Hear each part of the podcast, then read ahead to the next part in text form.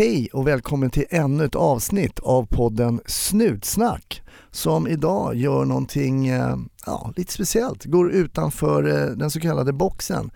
Dagens gäst Beatrice jobbar inte som polis men hon är väldigt delaktig i polisarbete och ni ska snart få veta varför. Alla där ute, var väldigt försiktiga och ta hand om er och ha en trevlig lyssning.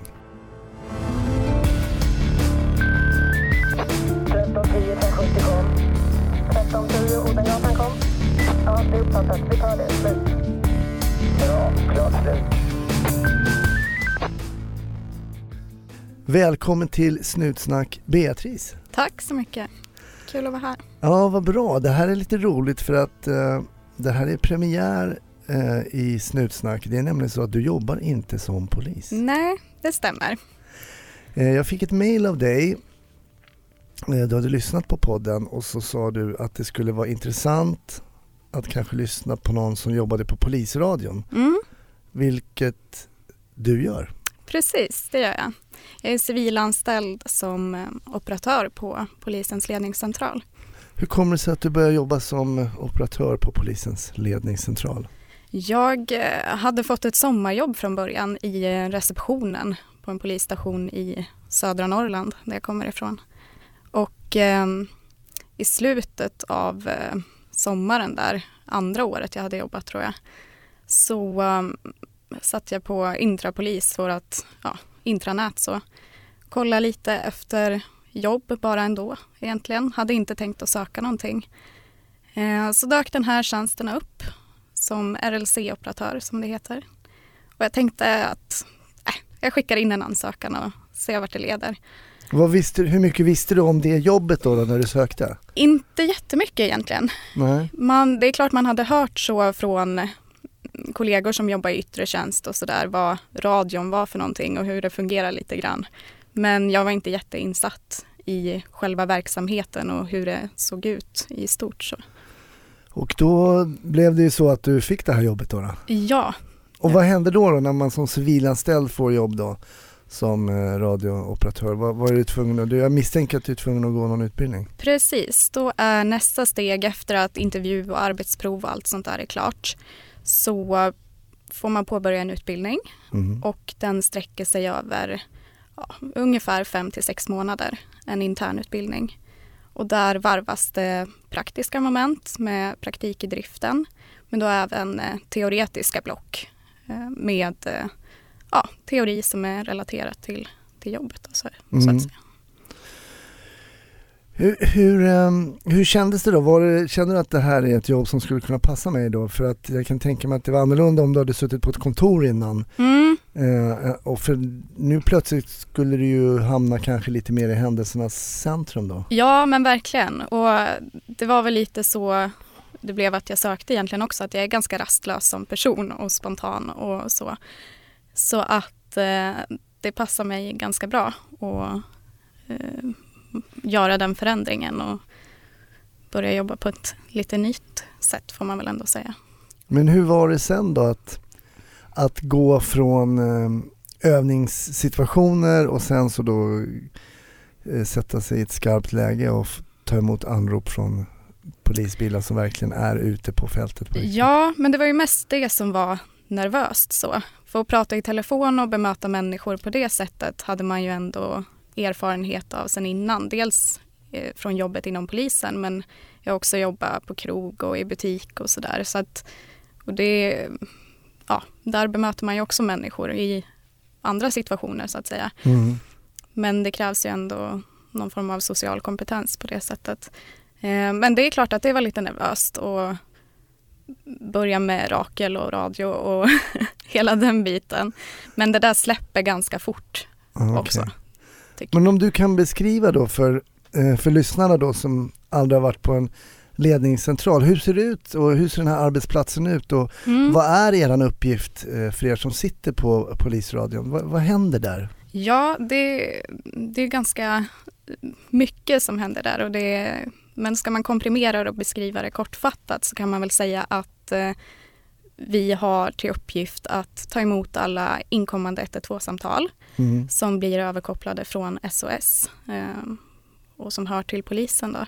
Därefter så ska vi lägga så kallade HR, händelserapporter, på de här ärendena eh, och göra en bedömning huruvida vi ska skicka en polispatrull eller vilka andra åtgärder som ska vidtas. Då.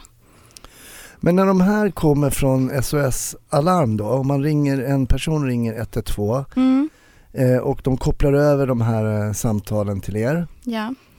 Eh, distribueras de eh, på olika sätt till er också? Är det vissa larm som går till poliser eller kan vem som helst få de här telefonsamtalen? Hur tänker du då? Att Nej men jag tänker som- om det, om det kommer, om, om, det kom, om någon ringer 112 Mm. Är det någonting där man inser att nej, men här kanske vi behöver en polisledningsfråga direkt? Mm. Att det, jag menar du som civilanställd, är det någonting som du inte får eller Nej. kommer alla larm oavsett till de olika operatörerna? Ja, ja precis. Ehm, Det är lite olika i olika regioner tror jag, vad man har för ansvarsfördelning. Så. Men i våran region, Region Mitt där jag jobbar, så tar civilanställda likväl som polisoperatörer allt inkommande och alla arbetsuppgifter som vi har. Då. Välkommen till Momang, ett nytt smidigare casino från Svenska Spel, Sport och Casino där du enkelt kan spela hur lite du vill. Idag har vi Gonzo från spelet Gonzos Quest här som ska berätta hur smidigt det är. Sí, es muy excelente y muy rápido. Tack Gonzo! Momang, för dig över 18 år. Stödlinjen.se. Så det, det kan komma in egentligen vad som helst till dig när du lyfter luren? Mm, det kan det göra. Jag tänker på om man ringer 112, vilket ju kan hända att man behöver göra någon dag av, av olika anledningar och behöver till exempel hjälp av, av polisen. Mm. Vad, vad ska man tänka på om man ringer in, när du svarar som operatör, vad är det du, den informationen som är viktig för dig att, att få? Mm. Det viktigaste man kan tänka på tycker jag är att försöka vara så lugn och saklig och informativ som möjlig, möjligt och eh, besvara de frågor som man får. Ehm, det, gör det, det underlättar mycket för oss. Ehm, sen så är det klart, många ringer kanske bara polisen en gång i livet eller inte ens det. Ehm, och kan vara väldigt stressad och uppjagad och det kan vara svårt att eh, ge lugna korrekta svar på det vi frågar efter. Men eh, försöker man så gott man kan att samarbeta och svara på våra frågor så, så brukar det lösa sig allra smidigast. Hur, hur, är hur, hur trivs du på din arbetsplats då? Jag trivs jätte, jättebra. Det är superkul. Eh, Det låter ju lite klyschigt också så här att säga att ja, man kommer till jobbet och vet inte vad som ska hända och allt det där. Men, men det är ju lite så. Och man kan sitta och det är jättelugnt och sen så helt plötsligt brinner det till och så har man jättemycket att göra. Och just den här tempoväxlingen och att eh, man vet inte vad man ska göra. Tycker du att du har eh, eh, roligare nu än på den tjänsten du hade innan? Ja, men det får jag väl säga. Det passar mig bättre eh, som person så också. Och hur är fördelningen då om man tittar på eh, radiooperatörer som är civilanställda och eh, operatörer som är poliser i grunden? Vad är fördelningen där ungefär? Ja, jag har eh, inga exakta siffror så. Det tror jag också skiljer sig från region till region. Eh, men i dagsläget skulle jag säga att vi är fler civilanställda. Men jag vet att det pågår rekrytering av fler polisoperatörer också. Och att det är väldigt värdefullt att det blir fler. Mm. Just för att de har den polisiära synen och kunskapen från att ha varit på fältet kanske. Just det, vad, vad känner du att du saknar då, då som, som civilanställd eh, polisradiooperatör? Vad, vad, vad skulle du vilja ha om du, om du skulle få mer kött på benen så att säga? Mm. Vad, vad skulle det vara? Ja, vi har ju, ibland så åker vi ju med patrullerna ute också för att få det utbytet och få en inblick i hur det fungerar på plats så att säga. För vi har ju bara våra skärmar och det vi hör och det kan vara svårt att få den här överblicken hur det faktiskt ser ut där de är och arbetar. Mm. Och eh, det är jättevärdefullt för oss att få vara med ute och få den insynen så. Men eh, ibland är det ju svårt, det är ju svårt med resurser och sådär även inne hos oss. Så att det kan vara svårt att få till det. Men när du har varit ute sådär och eh, åkt med patruller ute på, Mm. har du känt att du skulle vilja jobba som polis då? Ja, men eh, den tanken har jag väl haft även sedan tidigare så. Mm. Eh, Men just nu är jag väldigt nöjd där jag är och eh, vi får se om jag skulle söka POS och när det blir och sådär. Men just nu är jag väldigt nöjd och, och jag är ganska ung också så jag har framtiden för mig tänker jag. Men så det är, det är en tanke som har ändå funnits i ditt huvud att eventuellt kunna söka Polishögskolan? Ja, men absolut. Eh, Det har jag tänkt på. Mm. Och eh, även inne i RLC så, så kan det öppnas fler möjligheter om man har en polisutbildning i grunden så att säga. Vad skulle det kunna vara för, för möjligheter man har då? Vi har ju eh, våra RLC-befäl som det heter. Eh, och de är ju alltid poliser i grunden. Och en sån tjänst kan du ju inte söka som civilanställd till exempel. Just det. Okej, som befäl kan man inte vara civilanställd då? Nej. Nej. Men Beatrice, du har också med en historia eh, från din arbetsplats, från ledningscentralen. Mm. Berätta, vad, vad, vad är det för historia som du tänker berätta för oss? Ja, eh, det är väl lite som jag sa innan. Många historier kommer man inte ihåg. Men just den här eh, historien kommer jag nog bära med mig ett tag, tror jag. För att det här hände när jag fortfarande gick min utbildning till operatör. Okej. Jag hade ja, ungefär en och en halv månad kvar tror jag till certifiering som det heter. Då. Och det här var ett eh, kvällspass och eh, det börjar närma sig sitt slut. Så att man börjar väl ställa in sig lite sådär på att ja, men snart ska man få gå hem. Men jobbade du då? Då Alltså- jobbar jag i driften och under tiden man är under utbildning så har man en handledare som finns tillgänglig. Eh, Men där hade jag ändå kommit så pass långt i min utbildning att man sitter själv och arbetar som andra operatörer. Men man har alltid någon man kan rycka i om det skulle vara någonting. Så, Okej, jag förstår. Mm. Som en extra trygghet. Mm. Och eh, ja, nattgänget hade väl börjat droppa in och för att lösa av oss. Men så kommer det in ett 112-samtal och eh, jag plockar det här samtalet. Och jag får prata med en man som eh, beskriver för mig att han eh, bor i ett eh, sommarstugeområde. Det är inte så många personer som bor där permanent. Han berättar lite kring det och hur det ser ut och sådär. Han berättar inte initialt vad det är som har Nej, hänt? eller? precis. Han börjar prata om var han bor Han berättar om vart han bor och hur det ser ut och sådär. Så jag ja, tar till mig det. Och sen så berättar han att anledningen till att han ringer är att det har kommit en man, eller en kille snarare, till eh, hans hus där. Mhm. Och den här killen uppträder väldigt förvirrat. Han säger att eh, den här killen vet inte vart han bor eller vart han hör hemma, vad han heter och så vidare. Så att eh, då börjar jag tänka, jag lägger ett ärende och tänker att det här är ett rutinärende. Vi får åka dit, eh, fånga upp den här killen så han inte går vilse där i skogen och Mm. vi har en försvunnen person någon timme senare. Det är väl min första tanke så. Sen så vänder det här ganska snabbt.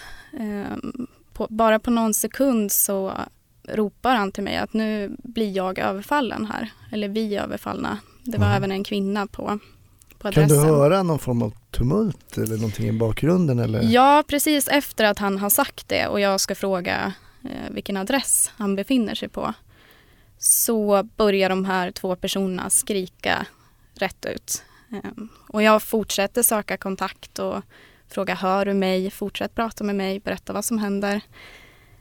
Men får liksom ingen respons utan de bara skriker eh, panikartat rätt ut.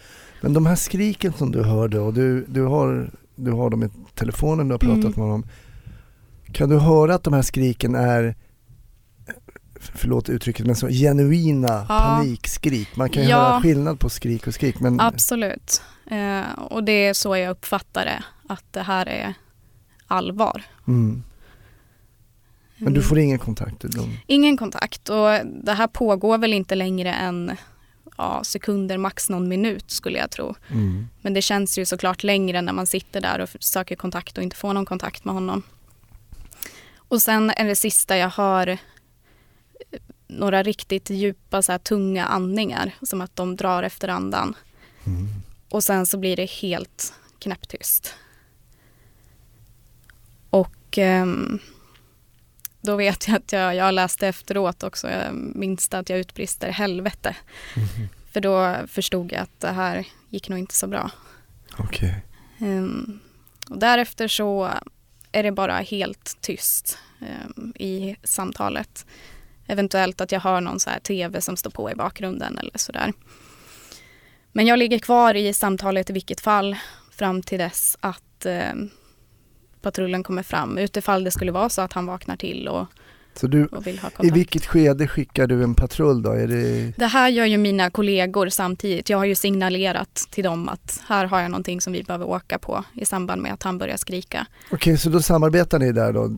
Precis, så att det här sker ju parallellt. Okej, Ehm, så du inser att nu är det allvar, det är 112, någon, Mm. någon blir överfallen. Och hur signalerar du då? då? Du, skriver du ner eller hur? det, bru- det brukar räcka med, ofta när man har jobbat ett tag sådär också så hör man på varandras röstlägen vad det är för dignitet på ärendena. Mm. Ehm, men jag tror jag liksom räckte upp handen och knäppte med fingrarna att jag behövde hjälp. Så. Mm. Eh, och då var kollegorna med på tåget och började rodda i, för vi hade ju inte en fullständig adress heller från början. Nej. Så en kollega började rodda i det och eh, började skicka patruller och, och sådär samtidigt som jag låg kvar i samtalet. Då.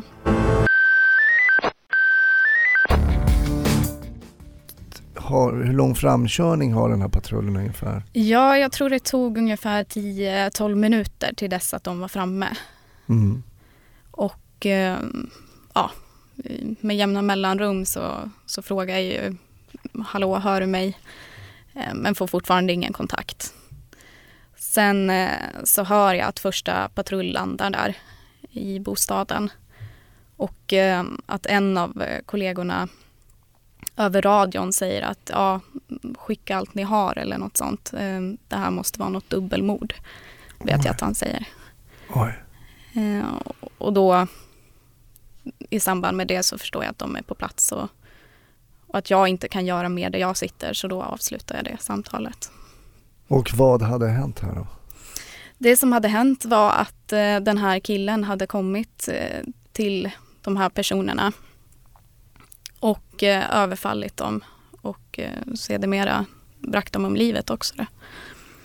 Fick man tag på den här personen? Ja, det fick man. Eh, inte då direkt men eh, ganska kort därefter.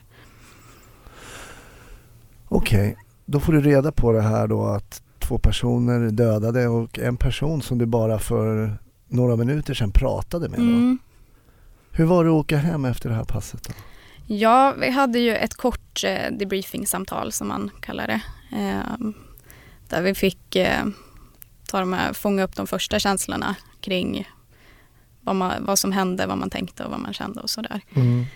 Eh, men sen så var ju fortfarande mycket att göra och sådär. Eh, så efter det åkte jag hem och eh, jag kände mig ändå eh, ganska lugn i hela situationen och genom hela samtalet. Men det är klart att man blir berörd, Mm. absolut. Hade du kunnat göra någonting annorlunda när han ringde? Har, du- har, du, är, det, är det en tanke som, har du tänkt den tanken någon gång att Ja, hade, det, hade utgången kunnat påverkas av någonting som jag hade kunnat göra annorlunda? precis. Och det var ju den första tanken som slog mig efter jag hade avslutat samtalet. Mm. Att gjorde jag allting rätt nu? Och i och med att jag fortfarande var under utbildning så är man ju ännu mer självkritisk såklart. Just det. Så jag bad faktiskt min eh, handledare att lyssna på samtalet direkt efter jag hade lagt på. Ehm, och bad om hennes åsikt. Men eh, hon sa det att eh, nej men du gjorde det du skulle och eh, du hade inte kunnat gjort någonting annorlunda. Just det. Och det var väldigt skönt att höra så för att då kunde man ta till sig det och landa i det och fokusera på rätt saker. För att det är väl så ibland vi människor, när någonting händer så tänker man alltid tillbaks och man tänker, hade jag kunnat kanske göra någonting annorlunda? Absolut. Ja. Men så det var ganska skönt att få den, eh, nu lägger jag orden i munnen här Ja men bekräftelsen. men alltså mm. få den eh, bekräftelsen att Mm. så var det inte i det här fallet. då. Nej, nej men precis. Det var väldigt skönt. För man är ju ändå fokuserad på sin arbetsuppgift och vad man ska göra så att säga. Mm. Så att, mm. Hur, ehm, hur, hur påverkade det här dig då till du kom till jobbet nästa dag? Var det någonting, var det bara business as usual eller? eh, Ja, eh, mer eller mindre skulle jag säga. Det är klart man har i åtanke. Men det var ingenting som påverkar mig negativt. Eh, och det är jag väldigt glad för. Samtidigt som jag har varit väldigt öppen och ödmjuk inför att skulle jag känna att det här är jobbigt eller att eh, jag behöver hjälp med att hantera det här så ska jag inte sätta mig emot det utan då ska jag låta det vara så helt enkelt och ta, ta den hjälpen man behöver för att hantera det. Hur viktig den här kommunikationen då mellan ledningscentral och polisbilar och också enskilda poliser. Eh, hur bra fungerar det? Hur utbildningen, men jag tänker du har gått in i utbildning, polisen har gått sin utbildning sen Mm. de kommer ut. Hur bra fungerar den här kommunikationen? Överlag så skulle jag säga att det fungerar jättebra.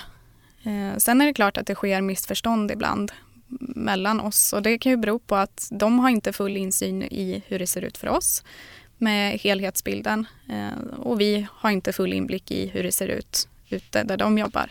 Just det. Och det är klart att det kan skapa missförstånd ibland. Vad kan vara det vanligaste missförståndet mellan en polispatrull och ledningscentralen? Men det kan väl eh, vara till exempel att eh, patrullen kanske inte mm, har förståelse för varför vi skickar dem på ett speciellt ärende en viss tidpunkt eller hur vi har tänkt med resurserna. Ehm, och att det kan dyka upp frågeställningar kring det och så. Men eh, ofta kan man ju lösa det väldigt enkelt genom att ta diskussionen direkt och så behöver det inte bli någonting mer utav det så att säga. Ja.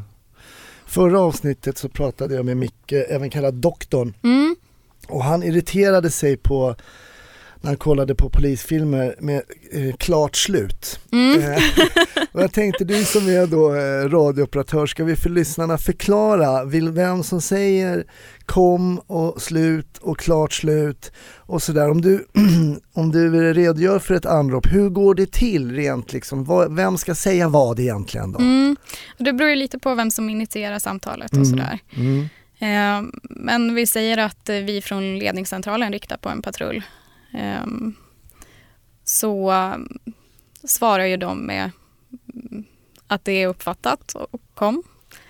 Och sen eh, säger man kom tills den som eh, inte har initierat det inte har något mer att säga så säger den slut kom. Och därefter säger vi klart slut. Just det. Så, i korta drag. Men, I ja. korta drag. Så det är då alltid, om det är mellan en polispatrull och ledningscentralen så är det alltså ledningscentralen som alltid säger klart slut. Ja, Just det, men om två polismän då är ute Mm. och eh, knatar och så ropar man på varandra, mm. vem säger klart slut då? då? Ja, men då är det ju den som har eh, initierat samtalet som säger klart slut. Just det. Mm. Och slut kom är alltså den som, då har man inget mer att tillföra så att Nej, säga. precis. Och- Då är man nöjd. Så uppfattat, slut kom, då vet du att då kan du säga klart slut. Yes. Ja men eh, bra, då har vi rätt ut det. Ja. Det är inte oviktigt Nej. Det är inte Det bara det inte där. Jag ska berätta mina erfarenheter lite. För, eh, det som jag tyckte var roligt, eller roligt och roligt, men det som var intressant när man jobbade ute i radiobil och fick sina anrop Mm. var ju det att man fick en bild av operatören uppe på ledningscentralen som aldrig stämde överens med verkligheten. Mm. Därför att en röst kan ju förmedla en bild, ja, oftast ska jag vilja säga, förmedlar den ju en bild som inte alls stämmer över med verkligheten. Mm. Och eh, på min tid när jag jobbade på Norrmalm så var det så ibland på nattpassen så körde man upp med mat till radion. Mm. Ja, men det är populärt. Ja, då blir man skonad och fredad. Ja, precis. Och ibland gjorde vi det av ren nyfikenhet för att se om den här rösten stämde överens Mm. med bilden och det gjorde den ju aldrig då. Nej, men det är väl sällan så. Ja, det är tänka. sällan så. Men tänker du på din röst eh, när du ropar att du försöker vara extra tydlig till exempel? Är det någonting där som du tänker på? För det är, det är ju synd om det ska brista liksom i bara i, i att man är otydlig. Men är det Mm. någonting du tänker på? Alltså? Ja, men det är klart. Man har väl en så kallad radioröst eller vad man ska säga som man eh, använder när man pratar i radio. Den är väl mer eh, tydlig formell Mm. så. Mm. Ehm, och ett annat eh, tonläge kanske. Just det. Så det, det är klart man pratar annorlunda när vi sitter och pratar så här. Så Mm. är det. Mm. Kollar du någonting på, på polisfilmer? Ja, men eh, det har jag väl gjort en del. Mm. Ehm, sen blir det ju, en, ju mer man har förstått verksamheten, hur den ser ut i verkligheten, så blir man väl kanske lite besviken på vissa filmer och sådär. Så är det ju. Det vet jag flera andra har sagt här också. Men, men det är ju faktiskt så. Eh, sen så får man väl försöka avskilja det där och se att man, man ser en film och får försöka njuta av det. och inte störa sig på det som inte överensstämmer med Precis, det är, det är liksom, man får tänka sig att det här är faktiskt underhållning. Mm, För det är ju så, skulle de här filmerna eller serierna eh, eh, visa verkligheten skulle det bli sjukt tråkigt. Ja. ja, så är det ju. Självklart. Ja. Men är det någon serie eller något sånt där? Följer du någon serie? Men jag har tittat mycket på svenska polisfilmer, Wallander och Beck och alla dem. Ehm, och det är väl, eh, ja, men jag, jag kan tycka det är kul att titta på. Så. Det funkar. Ja, men, eh, men eh, ja, som sagt. Det, det finns bättre filmer att se också. Ja, jo, det är klart. Och det är tufft också för den, den svenska filmindustrin, de har inte så mycket pengar om man jämför. med- Nej, nej, men så är det väl också. Det får man väl ta i beaktande. Ja, jag tror det. Jag tror det. Mm. Alltså Beatrice, stort tack för att du kom hit och gästade Snutsnack Ja, men tack så mycket. och eh, för att du var den första gästen som inte jobbar Ja. som polis. Och tack för att vi fick höra hur det fungerar uppe på ledningscentralen och också vikten av eh, att vara tydlig och också den viktiga informationen om vem som säger klart slut. Mm. Jag tänker du får säga klart slut nu. Klart slut. Är det din?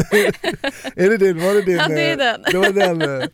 Ja, jag, ska, jag, jag- jag ska försöka vara, säga det som en polis. Klart slut. Lite så. Fem av fem. Tack så jättemycket. Tack. Tack.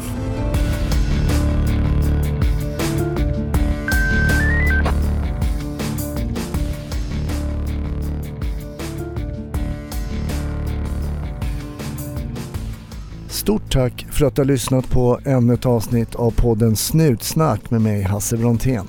Snutsnack finns på Facebook under namnet Snutsnack och mig hittar du på sociala medier under mitt namn Hasse Brontén. Vi hörs i nästa vecka.